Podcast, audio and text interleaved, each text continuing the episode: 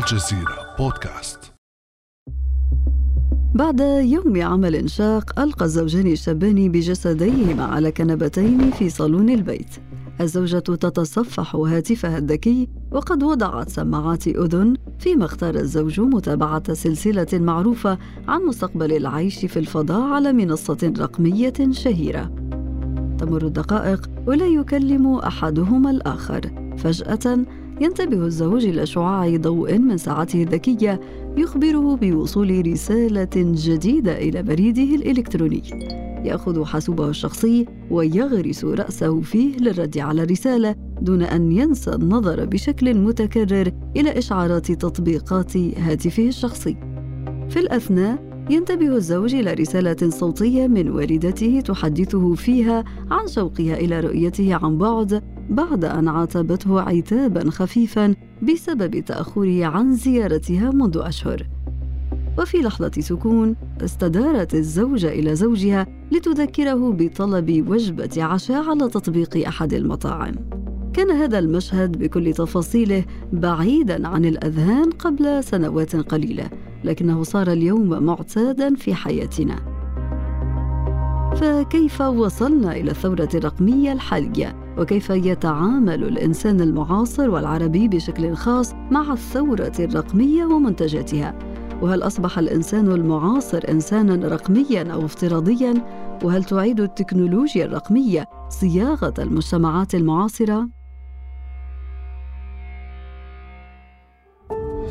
بعد أمس من الجزيرة بودكاست أنا أمال العريسي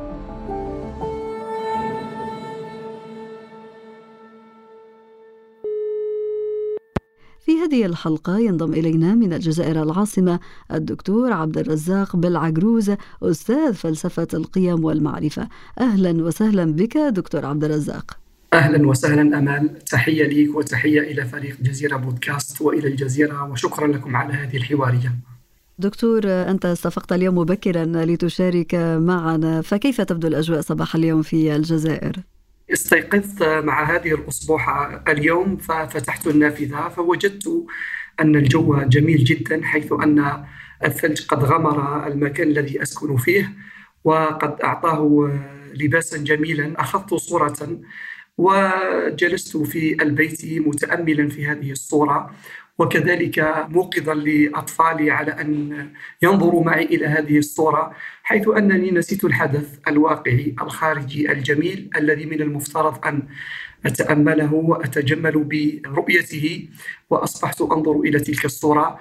وكأن هذا الزمن الذي هو الزمن الرقمي والافتراضي قد جعلني أنسى جمالية المكان الحقيقية الواقعية وأنحصر في تأمل هذه الصورة التي أضعها على الفيسبوك وعلى تويتر وأرسلها لأصدقائي عبر الواتساب لكي يتأملوا الصور وأصبحت جزءا منهم. تأملت الصورة ونسيت المكان الخارجي. حقيقة مفارقة عجيبة غريبة أصبحنا نعيشها اليوم. دكتور عبد الرزاق مشهد الصراحة عفوي بداية في صلب موضوعنا الذي نناقشه اليوم. الإنسان الرقمي الثورة الرقمية التي نعيشها اليوم. وهي جرت العادة صراحة دكتور عبد الرزاق أنه لما نشاهد ثلوج على طول نطلع من البيت نلبس أشياء ثقيلة هيك ونروح نلعب بالثلج ونعيش اللحظة. أصبحنا اليوم نعيش اللحظة من وراء حواسيبنا. نشاهد الصورة وكأنها أرسلت لنا ولم نعشها نحن. وهذا هو ما تمر به البشرية اليوم ما يعرف بالثورة الرقمية. لنستمع في هذا الصدد إلى الكاتب البريطاني جيمي ساسكريند قبل أن نبدأ النقاش. We've never had to live alongside such powerful non-human systems. لم نضطر ابدا إلى العيش جنبا إلى جنب مع مثل هذه الأنظمة غير البشرية القوية. لا نعرف على الإطلاق صورة أن تكون محاطا بتكنولوجيا لا تتوقف ابدا، حيث لم نعش ابدا في عالم تتراكم فيه البيانات إلى هذا الحد. الكاتب البريطاني جيمي ساسكنز دكتور عبد الرزاق تحدث عن الكم الهائل من البيانات الذي تغرق فيه البشرية اليوم. فكيف وصلنا دكتور إلى الثورة الرقمية الحالية؟ وما موقعها في تطور الإنسانية؟ نعم بالنسبة إلى الثورة الرقمية في الحقيقة أن هذه الكلمة مركبة فهناك كلمة الثورة وهناك كلمة الرقمية. وقبل أن نصل إلى الثورة الرقمية قد سبقتها ثورات من أنواع أخرى. فالثورة الرقمية هي في الحقيقة نتاج للثورة العلمية التي بدأت في القرن السادس عشر وهي الثورة التي تم بموجبها تغيير نظرة الإنسان إلى العالم أو الكون وكذلك اعتبار أن معيار المعرفة والحقيقة هو العلم التجريبي وكذا العقل الرياضي مم. الثورة العلمية تلتها أيضا ثورات أخرى مثل الثورات السياسية لأن كلمة الثورة تعني عملية تغيير مم. ومن خصائص هذا التغيير أنه لا يغير فقط الجوانب الشكلية إنما هو تغيير جذري كما ألاحظه كما قلت في الثورة العلمية التي غيرت جذريا نمط التفكير الإنساني الذي كان تفكيرا أسطوريا منبهرا بالوجود من حوله إلى تفكير يحكمه مبدأ الغزو العقلي للطبيعة كما سماه بعض المفكرين. هناك أيضا الثورة الاقتصادية وهي الثورة التي بموجبها أصبح الاقتصاد هو المحدد لطبيعة العلاقات الإنسانية. ثم بعد ذلك الثورة التقنية وهي تجلت في ابتكار الإنسان لكل هذه الوسائل الكبرى من طائرات من وسائل نقل وغيرها لتتلو هذه الثورة بالثورة الرقمية. وهي الثورة التي أصبح الرمز ينوب فيها مناب الشيء بلغة فكرية. كما أشرت في البداية أي أن الصورة تنوب مناب الحدث. وأصبحت من سمات هذا العصر الرقمي أن الفاعلين فيه ليسوا هم الفاعلين قديما. الفاعلون في هذا العصر الرقمي هم الذين يمسكون بالمشهد وهم الذين يتواجدون في الفضاء الميديائي وهم الذين يمتلكون المعلومة والصورة. وبالتالي فالثورة الرقمية قد جعلت من الإنسان رمزا بعد أن جعلت منه الثورة الاقتصادية سلعة. وهكذا.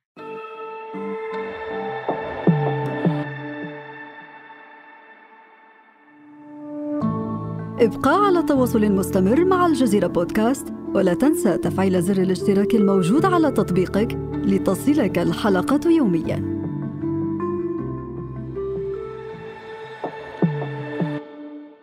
إذا استنادا لكل المعطيات التي قدمتها دكتور عبد الرزاق الثورة الرقمية هي مرتبطة بشكل وثيق بمختلف الثورات التي مرت بها البشرية أثرت بشكل مباشر على تطور هذه المجتمعات. وبالتالي اليوم التكنولوجيا الرقمية طاغية على حياتنا المعاصرة بشكل تكاد من خلاله أنها تعيد تعريف الإنسان والمجتمع لنستمع إلى الباحث الأمريكي في علم النفس أدام ألتر The other thing that I think has happened is that companies are much savvier about this. They're employing behavioral experts to tell them how الشركات أكثر دراية فهي توظف خبراء في السلوك للاستفادة منهم في كيفية تصميم الوسائط الخاصة وكيفية تصميم الوسائل التي تنقل تلك الوسائط من هواتف ذكية وأجهزة آيباد وساعات ذكية وأشياء من هذا القبيل. ولهذا السبب أعتقد أن هذه الشركات تقدم لنا منتجات يصعب علينا مقاومتها. لديهم ما يكفي من الميزات التي نجد أنه من الصعب للغاية مقاومتها لدرجة أننا في نهاية المطاف نطور إدمانا عليها. دكتور هل يمكننا الحديث عن أن الإنسانية دخلت اليوم مرحلة جديدة محورها إنسان جديد تجلى مع الثورة الرقمية؟ ما يسمى بالإنسان الرقمي أو الافتراضي وبأي معنى وفق رأيك؟ نعم كما قلت أن هذه الثورة التي جعلت من الإنسان رمزا أو جعلت من طبيعة العلاقات الإنسانية علاقات رقمية علاقات تحكمها نظام الإشارات والمعلومات هو في الحقيقة له سياق هذا السياق يعبر عن حاجة الإنسان إلى استعمال هذه الوسائط التقنية والتكنولوجية من أجل قضاء الحاجات أو من أجل الحصول على مطالب مخصوصة معينة وبالتالي فهي من الناحية المنفعية ذات قيمة وذات جدوى وذات منفعة على المستوى الفردي وعلى المستوى الاجتماعي وعلى المستوى الحضاري والسياسي الإنساني ككل. ونظرا لهذه المنفعة فقد سار الإنسان الإنسان ضمن هذا الأفق وأصبحت أي حقيقة أو أي فعل أو أي تواصل لا يستند إلى هذا الأسلوب في العلاقات الرقمية والتواصلية أصبح عديم الجدوى أو عديم النفع. إذا فقيمة الثورة الرقمية وقيمة هذه الأشياء آتية من منفعتها آتية من حاجة الإنسان إليها. ولكن أن لكل صورة وجه ووجه آخر قد أثرت أيضا وشكلت لنا هذا الإنسان الرقمي. فالعلاقات الإنسانية التي من المفترض أن تكون علاقات تواصلية مباشرة علاقات تراحمية قد عوضتها هذه التواصلات الرقمية وفي الحقيقة أصبح الإنسان يستعمل هذه الوسائل حتى ولو كان الشخص قريبا منه أو حتى الشخص كان يعني غير بعيد عنه يستعمل هذه الوسائل. وكأن م. هذه الوسائل التقنية اصبحت فيها لذة نفسية خاصة وأن هذا العصر الذي نحن فيه الذي هو العصر الرقمي يسميه البعض أيضا بالعصر الشعوري أو العصر النفسي. بمعنى أن الفعل الذي يجلب لذة ومنفعة على المستوى النفسي والشعوري هو الذي يحقق له هذا الإقبال وهذا الإدمان على هذه الوسائل. والتقنيات طيب دكتور عبد الرزاق هذا الإدمان الذي تحدثت عنه هل يعني انه التكنولوجيا أصبحت تتحكم في هذا الإنسان الرقمي أم أنها حررته؟ نعم هو من حيث المبدأ الفلسفي أن العلم لا يفكر كما يقول الفيلسوف الألماني مارتن هايدوغر ما معنى العلم لا يفكر؟ يعني بما أن العلم هو إنتاج إنساني فالإنسان يتحكم فيه ولكن لأن هذا الزمن الذي نحن فيه هو زمن الوسائل التقنية. أصبحت هذه الوسائل هي التي تملي على الإنسان كيف يفكر أو كيف يتجه أو كيف يتواصل. بمعنى أن هذه أو هذا المشهد الميديائي وهذا العصر التقني الذي لديه فاعلون جدد أو هذا المجتمع الذي أصبح يسمى بمجتمع المخاطرة. مجتمع المخاطرة يعني مجتمع ينتظر أي شيء جديد يحكمه نظام التغيير مبدأ التغيير. يعني حول طبيعة العلاقات الإنسانية إلى هذا الأفق مجتمع المخاطرة مجتمع الربح من غير عمل لأن السلع باتت فيه سلع هي عبارة عن إلكترونات وعبارة عن معلومات أكثر منها بضائع بالمعنى التقليدي. هو يعني عصر أثر على الإنسان حيث أنه زعزع الثقة. ليس فقط أن هذا العصر قد أسهم في تلويث الحياة الروحية للإنسان وكذلك في التلصص على الخصوصيات الإنسانية إنما أصبح يفرض على الإنسان هذا الأسلوب. وأيضا يجعل الإنسان يعيش ما بين انتظار السعادة وخيبة الواقع إذا كانت هذه الحياة الرقمية بهذا التأثير الهائل الذي وصفته دكتور عبد الرزاق هل الرقمية برأيك أعادت صياغة المجتمعات المعاصرة وشبكة العلاقات الاجتماعية والإنسانية فعلا يعني هل أننا فقط ما زلنا نتحدث عن الفضاءات الرقمية أم أنها أصبحت أصلا مرتبطة بحياتنا الواقعية؟ نعم يعني آه، هذا العصر الرقمي عفوا.